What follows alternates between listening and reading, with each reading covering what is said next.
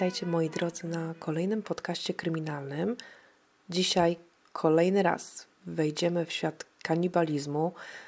I tak wiem, wiem, już czytałam, że jestem Anią od kanibali, jakkolwiek dwojako to można rozumieć. I nie jest to kwestia tego, że temat kanibalizmu mnie tak bardzo fascynuje, ale dzisiaj będzie wyjątkowa historia, bardzo znana w Stanach, jeśli ktoś interesuje się tym okresem, a dokładnie cofniemy się do momentu, do czasów Dzikiego Zachodu.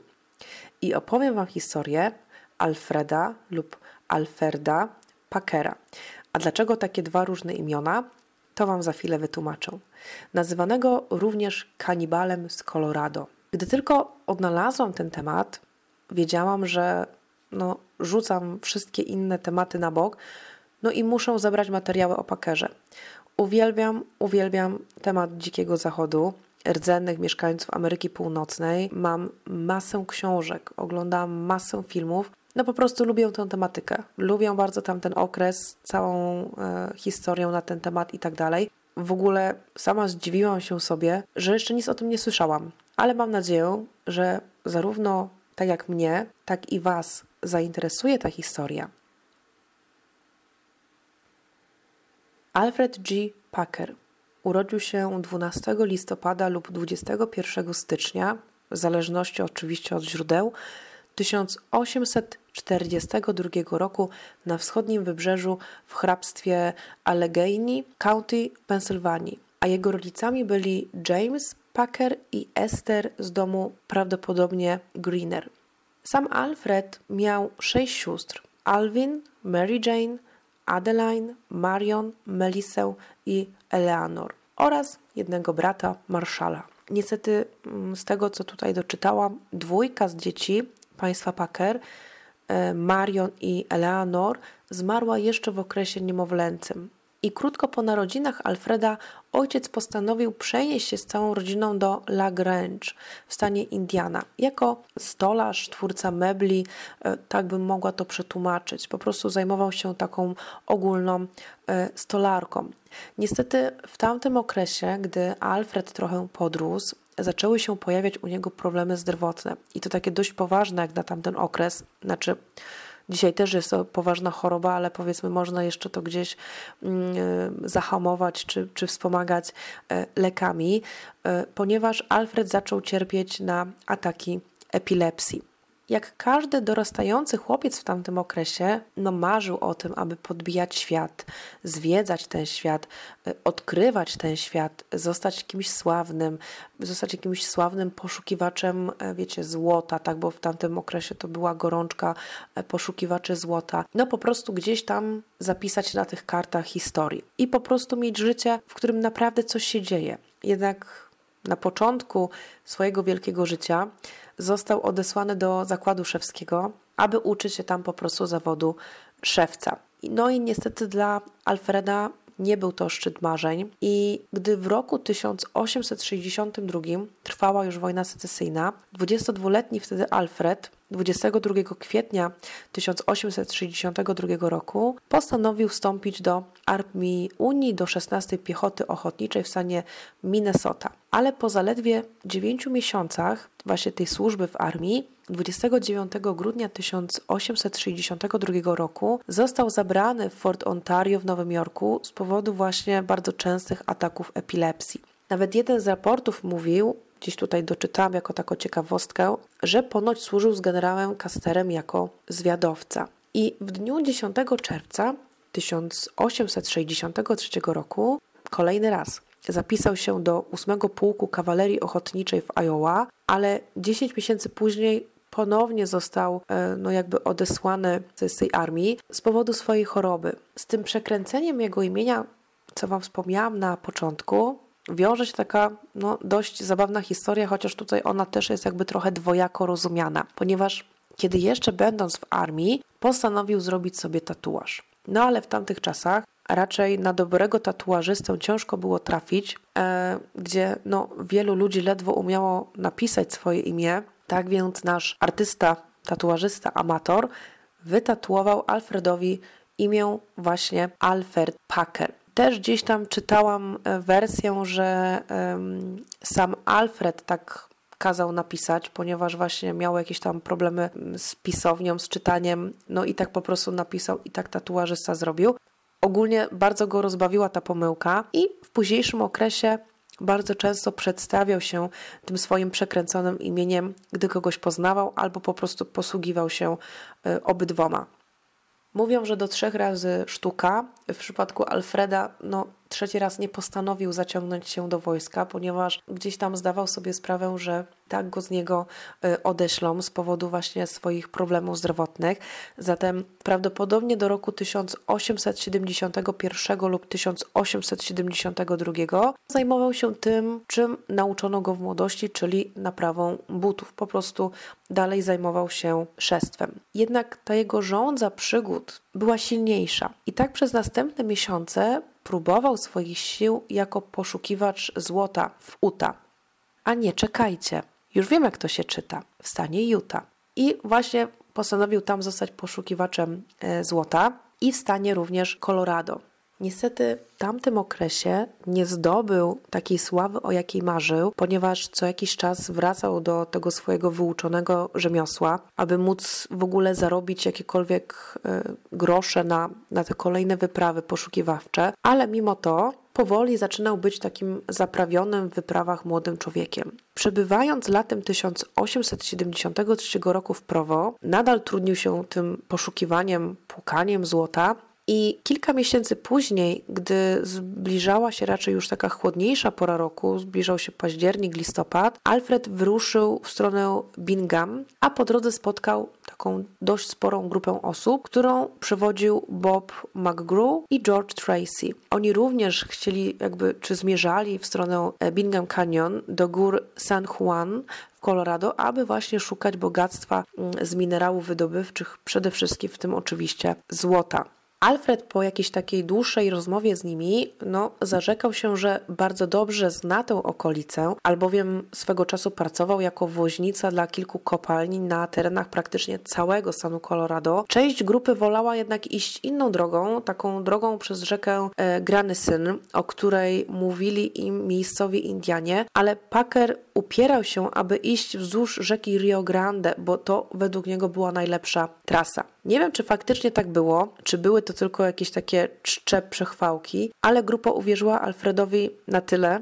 i na słowo. Takim sposobem, kilka dni później, bardzo duża grupa, bo aż 22-osobowa, wyruszyła w stronę gór skalistych. A tak naprawdę każdy, kto znał tamtejsze tereny, powinien zdawać sobie sprawę, że przeprawa przez te tereny, przez te góry w połowie listopada no raczej nie była zbyt mądrym pomysłem. Był to raczej pomysł, bym powiedziała, bardzo kiepski. Jednak podejrzewam, że nikt, włączając w to Alfreda, nie zdawała sobie z tego kompletnie sprawy. Ogólnie niektórzy z grupy byli bardzo przeciwni pójścia z Alfredem, właśnie ze względu na jego ataki padaczki, co też jakby działo się e, już pierwszej wspólnej nocy. I wtedy przywódca tej grupy, czyli McGrew, pomógł, pilnował właśnie Alfreda, aby ten nie zrobił sobie większej krzywdy. I tak sobie wędrowali, ta cała grupa, przez następne trzy miesiące.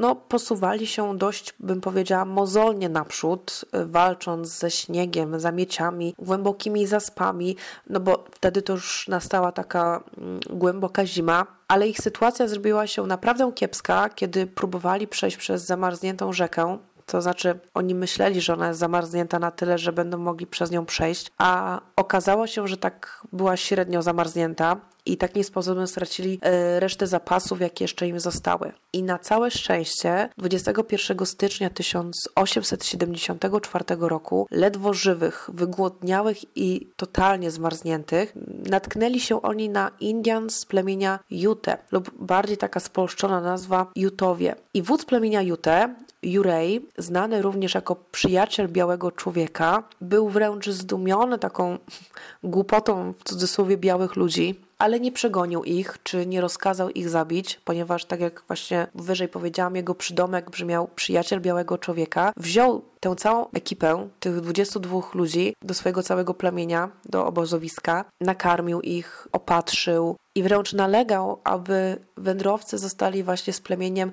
aż do nastania wiosny. I wielu poszło po rozum do głowy i z tych 22 członków właśnie ekipy Packera aż 16 przystało na tę propozycję wodza i zostało z tym plemieniem. Tym również był Packer. On również chciał zostać, ale było pięciu śmiałków, pięciu mądrych, którzy bardzo nalegali właśnie na to, aby Packer udał się z nimi, obiecując jeszcze większe wynagrodzenie niż obiecali mu na początku, no bo oni uważali go za przewodnika, tak, za osobę, która zna te tereny, nie znali gór skalistych, no to chcieli właśnie jego cały czas mieć jakby koło siebie. Tak długo namawiali Alfreda, aż ten się w końcu zgodził. Takim sposobem 9 lutego 1874 roku, w jeden z najbardziej śnieżnych i wietrznych dni, Alfred Packer i jego towarzysze Israel Swan, Shannon Wilson Bell, George California Noon, niemiecki rzeźnik Fran Reddy Miller i James Humphrey udali się w dalszą wędrówkę. Do pokonania mieli około 75 kilometrów, choć z tego co doczytałam, oni sądzili, że ta trasa będzie liczyła tylko około 40 km.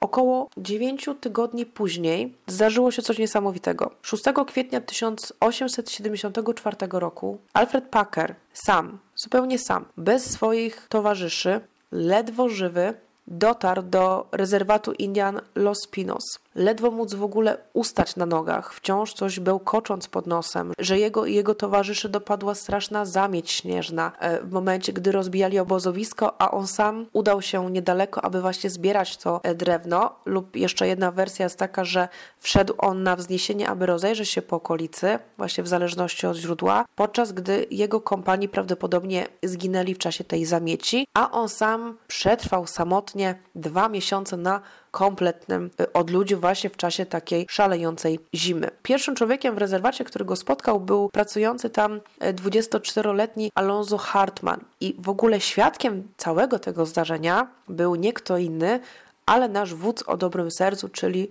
wódz Jurej, który właśnie z tą wiosenną odwilżą dotarł właśnie z całym swoim plemieniem do Los Pinos i ogólnie wszyscy wytrzeszczyli oczy, gdy właśnie Alfred opowiadał całą tą, tą historię o tym, jak udało mu się przeżyć. Krąży też legenda o tym, że ponoć gdy Packer wychodził z biura miejscowego agenta do spraw Indian, generała Charlesa Adamsa, który w ogóle, jako ciekawostkę, e, powiem Wam, że jeszcze kilka lat wcześniej znany był jako Karl Adam Schwanbeck, ponieważ urodził się właśnie na terytorium Niemiec.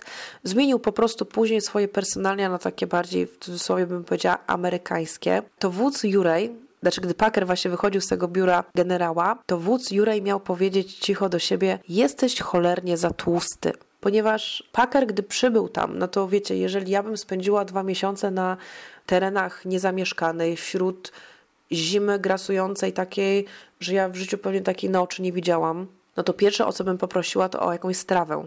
Tak, o jakieś jedzenie, o ciepły posiłek, o picie, o, o nie wiem, o cokolwiek. A Packer nie. Packer był bardzo dobrze zbudowany, w sensie było widać, że raczej mm, nie głodował przez te dwa miesiące. Coś, coś w tym stylu, że on bardzo dobrze wyglądał, nigdzie nie wystawały mu żadne żebra, wiecie, nie był wychudzony, no, nie wyglądał jak człowiek, który dwa miesiące spędził w zimie, tak, w, w lasach po prostu w trakcie szalejącej groźnie zimy. I po kilku dniach Packer postanowił wyjechać z Los Pinos do pobliskiego miasteczka, które właśnie znajdowało się nieopodal. Było to miasteczko Sołaczej i spędzał większość dnia w barach. W ogóle też zaczęło być to podejrzane, skąd on nagle ma tyle pieniędzy przy sobie po prostu i że mógł spędzać całe dnie w tych barach. I pewnego dnia w jednym z tych barów napotkał właśnie kilku y, kompanów, kolegów z tej grupy, która jak pamiętacie, została w tę mroźną zimę z wodzem y, Jurej, aby przeczekać do wiosny. Packer oczywiście również im opowiedział tę tkliwą historię o tym, jak stracił kontakt z resztą kompanów i jak sam musiał przetrwać tak wiele tygodni bez nikogo, bez żadnej pomocy, bez żadnego praktycznie prowiantu itd. Tak Ale ktoś z tej grupy zauważył, y, że Packer posiada nóż myśliwski i strzelbę jednego z zaginionych rzekomo w czasie zamieci właśnie kolegów. I mężczyzna z tej grupy był na tyle zaniepokojony tym faktem, że postanowił udać się do generała Adamsa, a ten z kolei w dniu 5 maja 1874 roku wezwał Alfreda do swojego biura, do Los Pinos i właśnie nakazał mu złożyć ponownie formalne, takie oficjalne pod przysięgą oświadczenie. I ku jego zdziwieniu Packer złożył zupełnie inne oświadczenie niż to, które złożył za pierwszym razem. I tutaj to oświadczenie jest dosyć długie i postarałam się je jakoś przetłumaczyć i mam nadzieję, że jest ono w miarę zrozumiałe. Kiedy opuściliśmy obóz Jurej, mieliśmy zapasy żywności na 7 dni dla jednego mężczyzny. Podróżowaliśmy dwa lub trzy dni i nadeszła burza. Dotarliśmy do góry. Przeszliśmy przez wąwóz i przeszliśmy na inną górę. Znaleźliśmy śnieg tak głęboki, że musieliśmy podążać za górą, a około czwartego dnia pozostało nam około pół kilograma mąki. Podążaliśmy za górą, aż doszliśmy do głównego pasma. Nie pamiętam, ile dni spędziliśmy tam, około dziesięciu, żyjąc na pączkach róży i gumie sosnowej, a niektórzy mężczyźni płakali i modlili się. Potem przeszliśmy przez główną trasę. Rozbiliśmy obóz dwa razy nad strumieniem, który wpada do dużego jeziora. Drugi raz tuż nad jeziorem. Następnego ranka Przekroczyliśmy jezioro, wycinając dziury w lodzie, aby złapać ryby, ale ryb nie było, więc próbowaliśmy złapać ślimaki. Lód był cienki, więc niektóre się przedarły. Przyszliśmy przez jezioro, i weszliśmy do lasu. Wszyscy mężczyźni płakali, a jeden z nich był zły. Swan poprosił mnie, abym poszedł na górę i dowiedział się, czy mogę coś zobaczyć od góry. Wziąłem broń i poszedłem na wzgórze. Znalazłem wąwóz i wszedłem na inną górę. Znalazłem duży krzew róży z pąkami wystającymi ze śniegu. Byłem dla nich przewodnikiem, ale nie znałem gór z tej strony. Kiedy wracałem do obozu, po prawie nieobecności przez cały dzień, znalazłem rudowłosego mężczyznę, Bela, który rano zachowywał się jak szalony siedząc przy ognisku i piecząc kawałek mięsa, który wyciął mu z nogi niemieckiego rzeźnika, czyli właśnie Millera. Ciało Millera leżało najdalej od ognia w dół strumienia. Jego czaszka została zmiażdżona siekierą. Pozostali trzej mężczyźni leżeli w pobliżu ognia. Zostali uderzeni w czoło siekierą. Niektórzy mieli dwie lub trzy rany. Podszedłem do ogniska, gdy Bel mnie zobaczył, wstał. Chwycił w dłoń siekierkę, a ja w tym momencie strzeliłem mu w bok brzucha. Bel upadł na twarz, topór wypadł mu z ręki. Złapałem go i uderzyłem go w czubek głowy. Tej nocy rozbiłem obóz przy ognisku.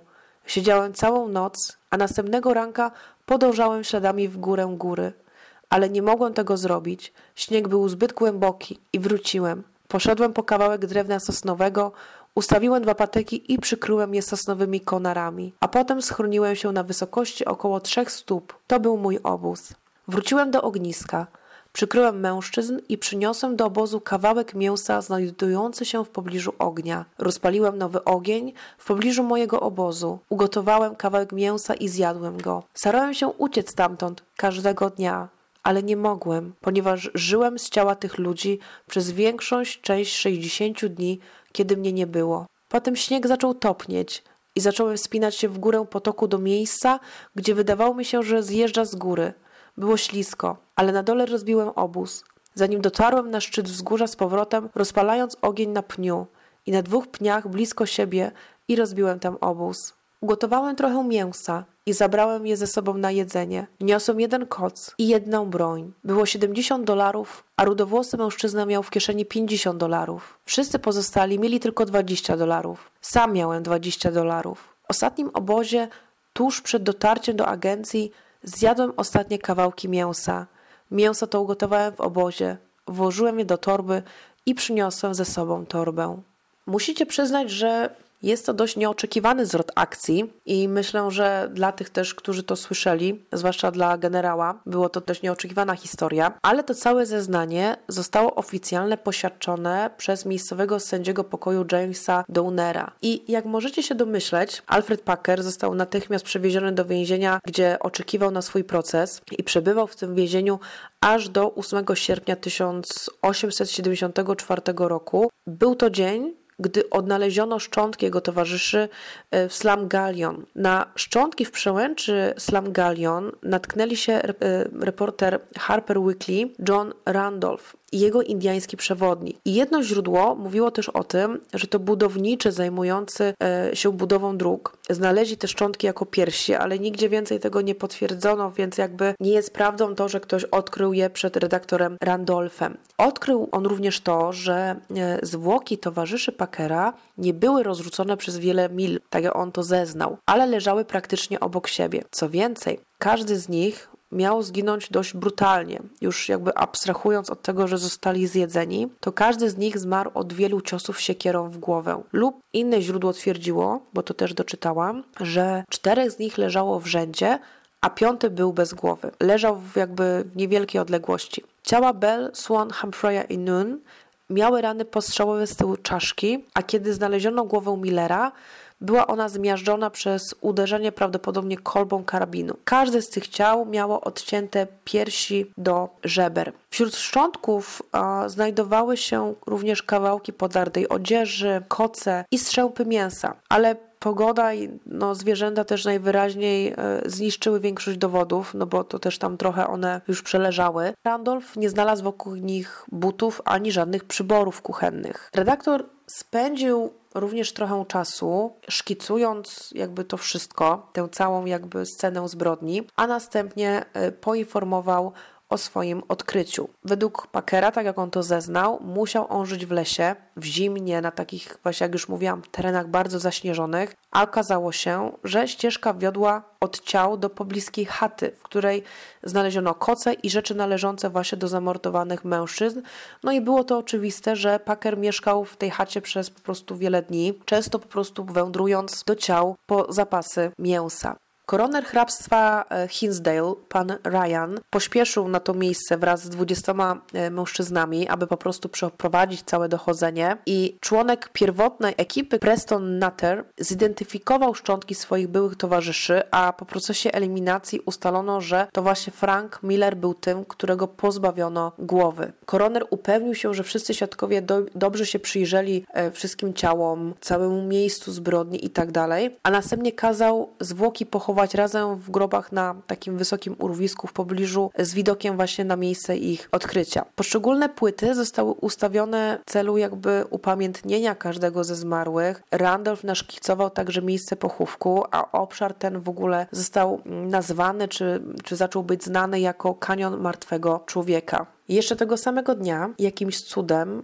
Packer zbiegł z więzienia i jakimś sposobem przez następne, uwaga, 9 lat pozostawał w ukryciu na tyle, że nie jest raczej wiadome, co przez ten czas zrobił. Wiadomo jest, że 11 marca 1883 roku znalazł się y, w Wyoming, choć nie jest pewne, czy zatrzymał się w Douglas, Fort Fetterman czy w Cheyenne, ale posługiwał się tam wtedy imieniem i nazwiskiem John Schwarze. Niesamowitym zbiegiem okoliczności do tego samego baru, w którym 11 marca siedział Alfred Packer, przyszedł jeden z jego kompanów, John Frenchy Carbazon, który właśnie był członkiem wyprawy po złoto z roku 1873, ale który poszedł do rozum do głowy i przezimował właśnie z Indianami. I teraz zgadnijcie, po czym Frenchy poznał, iż jest to jego były przewodnik, bo on go w ogóle jakby na początku nie poznał. Poznał go, słuchajcie, po jego śmiechu, ponieważ ponoć Alfred miał taki bardzo charakterystyczny śmiech i zaczęłam się w ogóle zastanawiać, że ja chyba też muszę zmienić mój śmiech, bo jest bardzo charakterystyczny i jeszcze mnie kiedyś po tym poznają i dopiero będzie. Oczywiście natychmiast e, poinformowano stróż prawa i 12 marca 1883 roku szeryf Laramie Parker zabrał do Lake City w Colorado, no i Parker niestety ponownie e, trafił do generała e, Adamsa. Alfred przedstawił generałowi kolejną, już trzecią, jakby nie patrzeć, i oczywiście odmienną wersję wydarzeń od tych dwóch pozostałych. Dziennik Lancaster Daily Intelligencer z dnia 24 marca 1883 roku napisał, że istniało wiele powodów, aby myśleć, że głównym powodem zabójstw dokonywanych przez Packera był chęć zysku, czyli dziś moglibyśmy powiedzieć, że były to po prostu zabójstwa na tle rabunkowym. Generał był również bardzo ciekawy, jakim sposobem udało się zbiec Packerowi z więzienia, no bo był to nie lada wyczyn, a okazało się, że jakimś sposobem jakaś dobra dusza podrzuciła Alfredowi wytrych wykonany z ostrza scyzoryku, ale nigdy nie doszli do tego, kto był tym tajemniczym pomocnikiem. I po ucieczce Packer według jego zeznań udał się do Arkansas i pracował przez całe lato dla Johna Gilla, a potem wynajmował jakby rancho, uprawiał tam kukurydzę, którą suma summarum jakby sprzedał właśnie Johnowi Gillowi i ostatecznie pojechał do Arizony. Ogólnie Alfred został oskarżony wyłącznie o zabójstwo Izraela Słona, który, jak uznano, zginął jako pierwszy i postawiono go w stan oskarżenia właśnie zabójstwa pierwszego stopnia. Co jest w ogóle najbardziej niesamowite, nie został on w ogóle skazany za akt kanibalizmu na, na, na swoich y, ofiarach. Nigdy. Tylko właśnie za samo zabójstwo. I 3 lub 6 kwietnia, w zależności oczywiście od źródeł, 1883 roku Alfred Packer stanął przed sądem okręgu Hinsdale w Lake City, a nazywano ją sprawą kanibala z Colorado. Rozprawę przewodził sędzia Melville Jerry, a cała sala rozpraw była wypełniona wręcz po brzegi, ponieważ każdy chciał zobaczyć właśnie mężczyznę, który przez tyle dni zjadał swoich kompanów podróży. I jakby ludzie nie patrzyli też na to, że on to być może robił po to, aby przetrwać, bo dla nich to było coś takiego nie do, nie do pomyślenia, aby cudzysłowie cywilizowanym świecie, za jaki się uważali, no dochodziło do takich aktów kanibalizmu. Oskarżyciele udowodnili w ogóle, że każdy z zamordowanych mężczyzn był w posiadaniu znacznych sum pieniędzy, a tych pieniędzy nie odnaleziono przy żadnym z okaleczonych ciał. To był dla nich wyraźny taki przypadek morderstwa dla zysku, czyli to, to co mówiłam wcześniej. Packer jakby w swojej obronie twierdził, że zabił tylko Bella i to było wyłącznie w samoobronie. Opowiedział również historię mm, o swoich towarzyszach, którzy mieli ponoć w późniejszym okresie walczyć między sobą, ale to oczywiście e, całkowicie zaprzeczało temu, co powiedział w swoim jakby oryginalnym oświadczeniu. Proces Packera trwał cały tydzień, ale no nie będzie zaskoczeniem, jeśli powiem Wam, że wyrok był jednogłośny, winny. I chciałam Wam przytoczyć tutaj bardzo takie niesamowite, jak dla mnie oczywiście i jak na tamte czasy, słowa sędziego Jerego skierowane w czasie wydawania wyroku. Jury złożone z dwunastu uczciwych obywateli hrabstwa osądziło Twoją sprawę, a pod przysięgą uznaję Cię winnym umyślnego morderstwa. Morderstwa buntującego się we wszystkich jego szczegółach. 1874 roku w towarzystwie pięciu towarzyszy minęliście tę piękną górską dolinę, w której stoi miasto Lake City. W tym czasie Ręka człowieka nie niszczyła piękna natury. Ty i twoi towarzysze obozowaliście na brzegu strumienia tak czystego i pięknego, jak tylko możliwe, wskazanego palcem Bożym na łonie ziemi. Każde wasze otoczenie zostało obliczone, aby wywrzeć na waszym sercu i naturze wszechmoc bóstwa i bezradność waszego słabego życia. W tym uprzywilejowanym miejscu wymyśliłeś swoje mordercze zamiary. Ty i twoje ofiary mieliście męczący marsz, a kiedy cień gór padł na was, a noc zaciągnęła wokół was swoją zasłonę, twoje niczego nie podejrzewające ofiary położyły się na ziemi i wkrótce zgubiły się zmęczone we śnie. I gdy w ten sposób słodko nieświadome niebezpieczeństwa z każdej strony, a zwłaszcza od ciebie, ich zaufanego towarzysza, okrutnie i brutalnie zabiłeś ich wszystkich. Niezależnie od tego, czy twoją morderczą ręką kierował mgliste światło księżyca, czy migotliwy plask ognia, żadne oko nie widziało tego krwawego krwawego czynu, żadne ucho oprócz własnego uchwyciło jęki umierających ofiar. Nie będę odnosił się do innych obrzydliwych szczegółów Twojej zbrodni. Cisza to dobroć. Nie mówię tych rzeczy, by bronić swojej duszy, bo wiem, że wypiłeś kielich goryczy do samego końca i gdziekolwiek się udałeś, żądło Twojego sumienia i wyrzuty sumienia mają mściwą Nemezis, która za Tobą poszła na każdym kroku w życiu i malowany na nowo obraz swojej przeszłości. Mówią te rzeczy, aby wywrzeć na Twoim umyśle to, co zrobiłeś i zbliżającą się zagładę, której nie można uniknąć. Nie daj się zwieść Bogu, bo kto sieje, to i żołdź będzie. Ty, Alfredzie Packer, zasiałeś wiatr.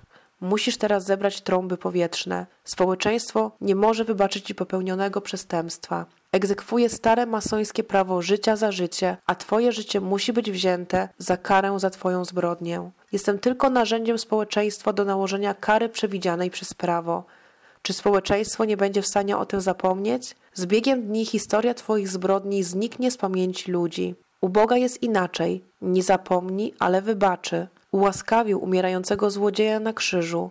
On jest dzisiaj tym samym Bogiem, Bogiem miłości i miłosierdzia, długiego cierpienia i życzliwej wyrozumiałości. Bóg, który łagodzi wiatr do baranka i obiecuje odpoczynek wszystkim zmęczonym i złamanym sercem dzieciom ludzkim. Zamknijcie uszy na błogość nadziei, nie słuchaj pochlebnych obietnic życia, ale przygotuj się na przerażającą pełność śmierci. Przygotuj się na spotkanie z Bogiem, przygotuj się na spotkanie z tym starzejącym się ojcem i matką, o których mówią i którzy wciąż mają swojego drogiego chłopca. Przez dziewięć długich lat byłeś wędrowcem po powierzchni ziemi, pochylonym i złamanym duchem, bez domu, bez miłości, żadnych więzów, które wiązałyby cię z ziemią.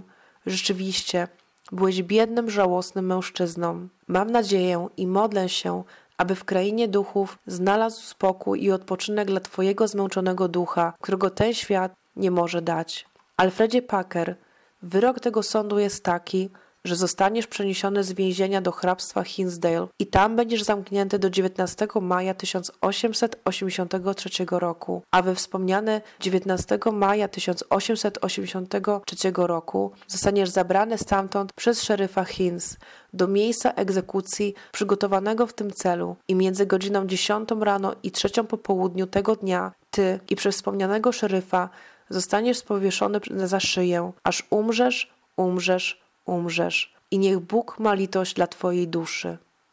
Nie powiem, że to jest dość rzadko spotykany sposób przemawiania przez sędziego, ale myślę, że no w tamtym okresie trochę inaczej do tego podchodzono. Mam wrażenie też, że sędziemu było trochę żal Packera i gdzieś tam w swojej wierze, w tej takiej głębokiej wierze, e, wierzył, że po egzekucji odnajdzie on spokój ducha, znajdzie miejsce u Boga, ale chyba tylko sędzia był tak dobrotliwie nastawiony do Packera, ponieważ zgromadzony tłum chciał wykonać samosąd na Packerze. Całe szczęście zostali gdzieś tam powstrzymani i, i do tego nie doszło, ale sam Packer został przewieziony do więzienia w Ganison, gdzie miał oczekiwać właśnie na wyrok, do którego nie doszło, ponieważ e, obrona Alfreda natychmiast złożyła apelację, wskazując, że zarzucana Packerowi zbrodnia została popełniona, uwaga, gdy Colorado nie było jeszcze stanem, a terytorium. I proces uzyskania nowego statusu prawnego podciągnął za sobą całą jakby zmianę części obowiązującej tam legislacji, w tym również prawa, na podstawie którego został skazany Packer.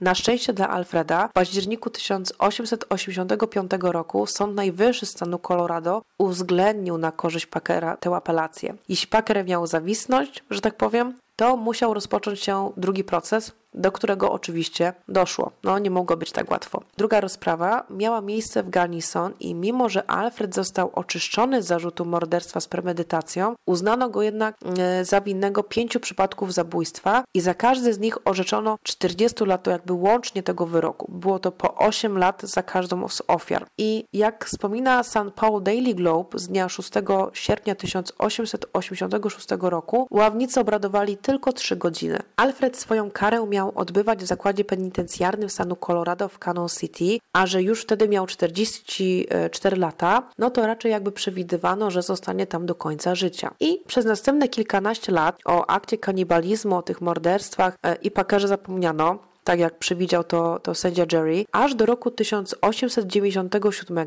gdzie wydawca ukazujący się w Denver gazety Rocky Mountain News, pan D.C. Hedge, stwierdził, że odświeży całą tą historię. Jeszcze raz. I postanowił namówić Packera do spisania ponownie tego, co wtedy zaszło w górach skalistych. Takim sposobem powstała oczywiście kolejna odmienna, czwarta wersja wydarzeń, która jakby miała najbardziej chyba wzbudzić litość wśród czytelników, jakoby Packer no, nie miał innego wyboru, jak tylko zjadać swoich współtowarzyszy, aby po prostu móc przetrwać, no i ogólnie też się bronił tym, że jego umysł e, od głodu był kompletnie zamroczony i on tak naprawdę nie wiedział, co, co czyni. Wykrzesaną na nowo historię e, zainteresowała się dziennikarka o pseudonimie Polly Pry, choć tak naprawdę nazywała się Lionel Campbell. Pisząc dla głównego e, konkurenta Rocky Mountain News, Denver Post. Polly Pry, to jest taka ciekawostka, była tak zwana soap sister. Tak do XX wieku nazywano kobiety, które zajmowały się dziennikarstwem, tak takim polityczno-śledczym, ale w taki sposób bardzo poprawny. Tak byśmy mogli dziś to określić. Polivel Lionel e, była dziennikarką, która lata walczyła o rzeczy takie szlachetne, o takie rzeczy dobre.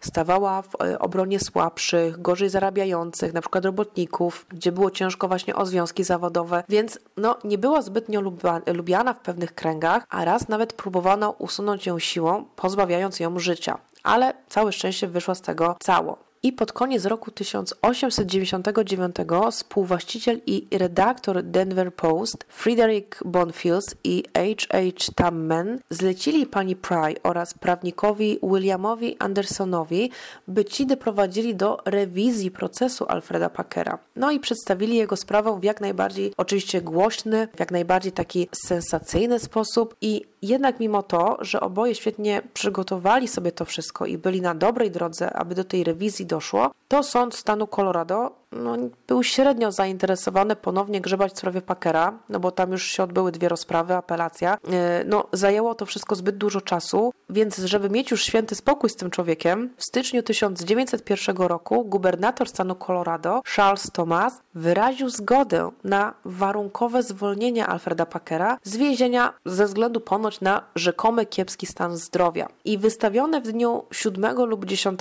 znów, w zależności od źródeł 1901 roku, akt ułaskawienia stwierdził, że Alfred został zwolniony, ponieważ jak stwierdził lekarz e, więzienny, cierpiał on na puchlinę wodną i chorobę Brida. Packer, który łącznie spędził w więzieniu 17 lat, no, gdy z niego wyszedł, nie ma co ukrywać, był człowiekiem najszczęśliwszym na świecie. Pani Polly Pry i mecenas William Anderson również byli szczęśliwi, choć każdy z innych pobudek. Ona, ponieważ no, dokonało się coś dobrego, znowu e, coś udało jej się jakby dobrego e, uczynić, a mecenas, no bo dostał jakby swoją działkę, e, dostał swoje pieniążki, więc jakby każdy był zadowolony na swój sposób. Packer był namawiany nawet, aby występować w obwoźnym cyrku Sales Floto, którego właścicielami byli właśnie właściciele redakcji Denver Post i miał tam właśnie występować jako w cudzysłowie wybryk natury, czyli Kanibal z Colorado, co na pewno zwiększyłoby liczbę odwiedzających gości. E, nie wiem na jakiej zasadzie by to miało wyglądać, czy po prostu on by stał tabliczką Kanibal z Colorado, nie wiem. No ale jakby nie przyjął tej jakby oferty, ponieważ gubernator Thomas wyraził chęć na to zwolnienie Packera, ale zaznaczył taki mały minusi, że przez 6 lat, 9 miesięcy Alfred nie będzie mógł opuszczać okręgu Denver. No, czyli jakby ten obwoźny cyrk, no to już tutaj nie wchodził za bardzo, e, za bardzo w grę. Packer ostatecznie osiedlił się około 1905 roku w miasteczko Phillipsburg, niedaleko Littleton, w stanie Colorado i według opinii sąsiadów i ludzi, którzy mieli z nim styczność, był człowiekiem bardzo szanowanym, bardzo lubianym, bardzo lubiły go e, dzieci, którym rozdawał często słodycze, a nawet gdzieś czytałam, że jednej dziewczynce e, sąsiedztwa na Boże Narodzenie podarował lalkę w prezencie. A jako największą ciekawostkę, to już w ogóle jest hit, e, jak to przeczytałam, powiem Wam, że ponoć Alfred do końca swojego życia został wegetarianinem i nigdy już nie tknął żadnego mięsa, czy to ludzkiego, czy też to zwierzęcego. Pod koniec 1906 roku pewien mężczyzna znalazł nieprzytomnego Packera na dziedzińcu Connolly Ranch, około mili od jego domu i wtedy niejaka pani Van Alstin postanowiła zająć się właśnie Packerem przez pozostałe miesiące jego życia, ponieważ zmarł 23 kwietnia 1907 roku w wieku 65 lat, prawdopodobnie wskutek udaru mózgu i pochowano go na Price Avenue Cemetery y, z wszystkimi honorami wojskowymi, przysługującymi właśnie weteranom wojny secesyjnej. I jako ciekawostkę jeszcze jedną, dzisiaj w ogóle dużo tych ciekawostek, y, powiem Wam, że od lat otrzymywał on taką wojskową rentę inwalidzką w wysokości aż 25 dolarów miesięcznie. I według gazety The Independent e, ostatnie słowa Packera przed jego śmiercią ponoć brzmiały: Nie jestem winny oskarżenia. Czyli on w ogóle przez całe życie utrzymywał, że jest niewinny, że jakby nie zrobił nic złego, że jakby nie zamordował wszystkich tych członków tej ekipy, tylko właśnie jednego mężczyznę i był to e, bardziej w ramach takiej samo e, obrony. Temat Packera nadal był bardzo żywy i wiele, wiele, wiele, wiele lat później, praktycznie 115 lat po tym, jak Packer zjadł swoich towarzyszy, 17 lipca 1989 roku profesor prawa specjalizujący się w kryminalistyce na George Washington University, James E. Stars, przeprowadził ekshumację pięciu ciał właśnie towarzyszy Packera i ekipa złożona z 13 ekspertów, którzy e, wykopali szkielety, zgodziło się jakby z pierwotnym werdyktem sądu, mówiąc, że Packer był winny profesor Stars powiedział, że kości udowodniły poza cieniem wątpliwości, że Packer zabił wszystkich pięciu e, swoich towarzyszy, wszystkich swoich kompanów i profesor mówił, że to jest jasne jak słońce, że to Packer był tym, który, który atakował, a nie Bell. Rany na kościach trzech ofiar zostały zadane przy pomocy narzędzia podobnego do topora, stwierdzając, że kąt śladów ostrza na, na kościach wskazywały, że wszystkie cięcia zostały wykonane przez tę samą e, osobę, co wyraźnie świadczy o tym, że historia Packera była fałszywa. Profesor powiedział, że Packer miał filety z mięsa rano i wieczorem, chociaż mógł żyć na przykład zabijając króliki. Z takich jeszcze jednych ciekawostek, ale to też zostało prawdopodobnie obalone, w 1997 roku e, kustosz kolekcji Muzeum Colorado w Gunnison e, stwierdził, że odkrył rewolwer Packera Colta z 1862 roku. Powiedział, że został on zabrany z miejsca masakry, kiedy ofiary zostały początkowo odkryte i był on, ten Colt, załadowany trzema kulami w komorze. Według niektórych raportów, w tym kuratora właśnie Davida Bailego, to odkrycie potwierdza szczegóły sprawy Packera lub przynajmniej jednego ze swoich, znaczy z jego zeznań, tak, zeznań Packera. Ale właśnie nasz wyżej wymieniony profesor Stars kwestionował ten fakt, że Packer był właścicielem takiej broni i twierdził, że nie ma żadnych dowodów na to, że rewolwer został odzyskany po znalezieniu szczątków ofiar.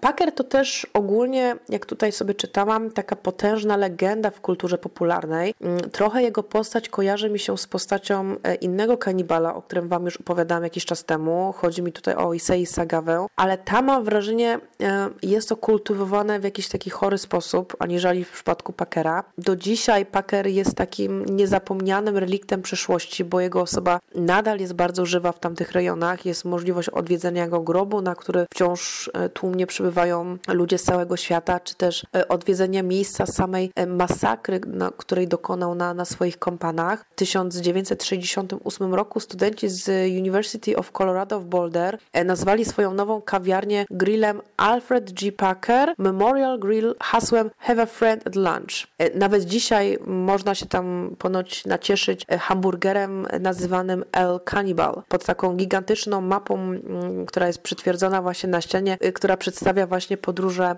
Packera przez Colorado. W roku 1982 uniwersytet poświęcił posąg Packerowi, a Trey Parker nakręcił studencki film Cannibal Musical oparty luźno właśnie na e, jego życiu. E, ponadto w 1982 roku Jim Robertson nakręcił The Legend of Alfred Packer. Nakręcono również wiele piosenek, które w mniejszym lub większym stopniu właśnie odnosiły się do e, historii Packera, na przykład debiutancka płyta Cannibal Corpse z 1990 roku i ten Back to Life, poświęcony jest właśnie Alfred Alfredowi Packerowi. W Muzeum Hrabstwa Hinsdale można zobaczyć rzekomy kawałek czaszki od jednej z ofiar, kajdany, które Packer nosił w więzieniu oraz guziki z ubrań ofiar. Jako ciekawostkę powiem Wam też, że Packer dorobił się również przydomków, jak e, właśnie Cannibals Colorado, czy tak jak pisał dziennik Idaho Semi-Weekly World z dnia 1 maja 1883 roku. E, wydał on właśnie artykuł zatytułowany The Colorado Ghoul. A Ghoul, nie wiem czy kojarzycie, ale pewnie wiecie, to był taki zły duch w wierzeniach przedmuzułmańskich, który właśnie zjadał swoje e, ofiary, więc porównanie całkiem trafne. Myślę też, że żadne nowe czy stare doniesienia nie będą w stanie zaszkodzić w żaden sposób reputacji Packera. Nadal będzie e, jakby no, obchodzony w tych legendach i pieśniach, ale cała historia jest takim ponurym świadectwem tego, jaki dziki zachód był naprawdę. Taki dziki. Choć wiadomo, że przypadki kanibalizmu w celach takiego przetrwania zdarzały się wielokrotnie. Jeszcze całkiem niedawno, jak chociażby pewnie e, pamiętacie wypadek samolotu w Andach pod koniec roku bodajże 1972. Bardzo taki przystępny w ogóle sposób odnośnie kanibalizmu in extremis opisane jest właśnie w dziejach kanibalizmu, więc jeśli kogoś interesuje też kanibalizm od trochę innej strony, takiej bardziej naukowej, to właśnie posie, powinien sięgnąć po tę pozycję, bo no, bardzo dobrze opisuje całokształt kanibalizmu kulturowego. W, w źródłach będziecie mogli sobie zo, zo, zobaczyć mm, tytuł tej książki, autora i tak dalej. Nie wiem, czy jest to dostępne jeszcze jako nowa książka. Ja ją kupiłam jako używaną, jako, jako książkę z drugiej ręki, więc jeśli kogoś interesuje właśnie taki temat od tej takiej strony naukowej, ale nie tylko to, to Was e, zachęcam. Bardzo polecam Wam również pozycję Man Eater, The Life and the Legend of an American Cannibal, który w bardzo taki szeroki i bardzo głęboki sposób analizuje i opisuje historię Packera. No, w jeszcze większy niż ja tutaj opisałam, więc także gorąco e, zachęcam. Ja mam tę książkę w formie e-booka, bo bardzo często tutaj do podcastów kupuję e-booki, bo jakbym miała wszystko kupować w wersji papierowej, to by mi tutaj miejsca nie starczyło. Moi drodzy, chciałam bardzo podziękować, że wytrwaliście do końca tego odcinka. Przepraszam, że znów odcinek jest o jedzeniu ludzi ale wydaje mi się, że klimat dzikiego zachodu, poszukiwaczy złota, e, no mnie się wydawał, tak jak mówiłam na początku, bardzo ciekawym tematem i jednak ukazujący, że niezależnie od tego, w jakim wieku żyjemy, to jednak nadal jesteśmy tylko ludźmi, którzy w skrajnych przypadkach, niezależnie od stopnia i rodzaju naszej wiary, naszej religijności i zaprzeczeń w stylu, że ja nigdy, przenigdy tego bym nie zrobił, stają na krańcu swojego człowieczeństwa i muszą wybrać, czy chcą przetrwać, wrócić do swoich bliskich, do swoich rodzin, do dzieci, żon, mężów, do swojego życia, czy umrzeć tak jak ich współtowarzysze i być może skończyć tak jak ci ludzie właśnie, którzy umarli i zostali zjedzeni przez innych innych kompanów na przykład e, podróży. Bo kanibalizm, który odwalał Sagawa czy Fish, czy inni tego rodzaju e, przestępcy, no to to są przestępcy, którym już po prostu e, brakowało piątej klepki. Więc tutaj jest zupełnie inna forma tego e, kanibalizmu, na zupełnie innych jakby płaszczyznach, e, moim zdaniem, trzeba by to rozpatrywać. Zachęcam Was jak zwykle do zajrzenia w źródła. E, pierwszy raz analizowałam i zagłębiałam się w dzienniki z tak odległego, z tak odległych czasów jak dla mnie i w ogóle cud nad cudami, że udało się tyle tego znaleźć, choć i tak powiem Wam, że to nie jest wszystko, na co natrafiłam, bo byłoby tego jeszcze no, kilka razy więcej. Chylę czoła absolutnie chylę czoła wszystkim ludziom pracującym w bibliotekach czy archiwach państwowych, cyfrowych, etc. To, jaką oni robotę odwalają na całym świecie, nie tylko w Stanach, w Polsce, w, każdym właśnie takim miejscu, to jest po prostu kosmos, szapoba. I jeżeli wśród moich słuchaczy są takie osoby, które pracują w, w, w tego typu e, bibliotekach, archiwach, czy zajmowali się lub czy zajmują się taką żmudną, ciężką robotą, nie wiem, jak to wygląda, bo ja mam tylko takie, wiecie, bardzo, bym powiedziała, proste myślenie na ten temat, że to trzeba położyć taką starą gazetę na skaner, zeskanować, ale podejrzewam, że to trzeba jeszcze pewnie w jakiś sposób obrobić, naświetlić, e, nie wiem, przyciemnić, tak, e, gdzieś tam pozlepiać, poskładać, żeby to miało ręce i nogi, no bo taka gazeta z 1000, e, nie wiem, 860 któregoś roku, mm, no nie zawsze jest w jakimś idealnym stanie i to też często się tutaj zdarzało, że gdzieś na przykład były jakieś braki albo prześwietlenia, bo właśnie nie można było się doczytać. Więc bardzo dziękuję wszystkim osobom, które y, w jakimś mniejszym, większym, bardzo dużym stopniu przykładają się do tego, aby takie osoby jak ja, tacy twórcy, mogli korzystać z zasobów właśnie takich bibliotek, takich archiwów, bo to jest niesamowite, że dzięki takim ludziom mogę się cofnąć o 100, 150 lat do tyłu i poczytać i znaleźć materiały, które mnie interesują, które pozwalają mi stworzyć właśnie taki podcast jak ten. Więc bardzo, bardzo dziękuję za, za tę całą pracę. I moi drodzy, to już koniec tej historii. Mam nadzieję, że Wam się podobała, tak jak i mnie. Jestem ciekawa też tego, co wy myślicie i mam nadzieję, że takie sprawy z dzikiego zachodu wam się podobały. Jeżeli tak, to dajcie proszę znać, bo mam jeszcze kilka jakby e, pomysłów na, na, na tematykę właśnie mm, z tamtego okresu. No i co? I dziękuję Wam serdecznie. Życzę Wam udanego odpoczynku. Trzymajcie się cieplutko. Pamiętajcie, uważajcie na siebie. Do usłyszenia. Papa. Pa.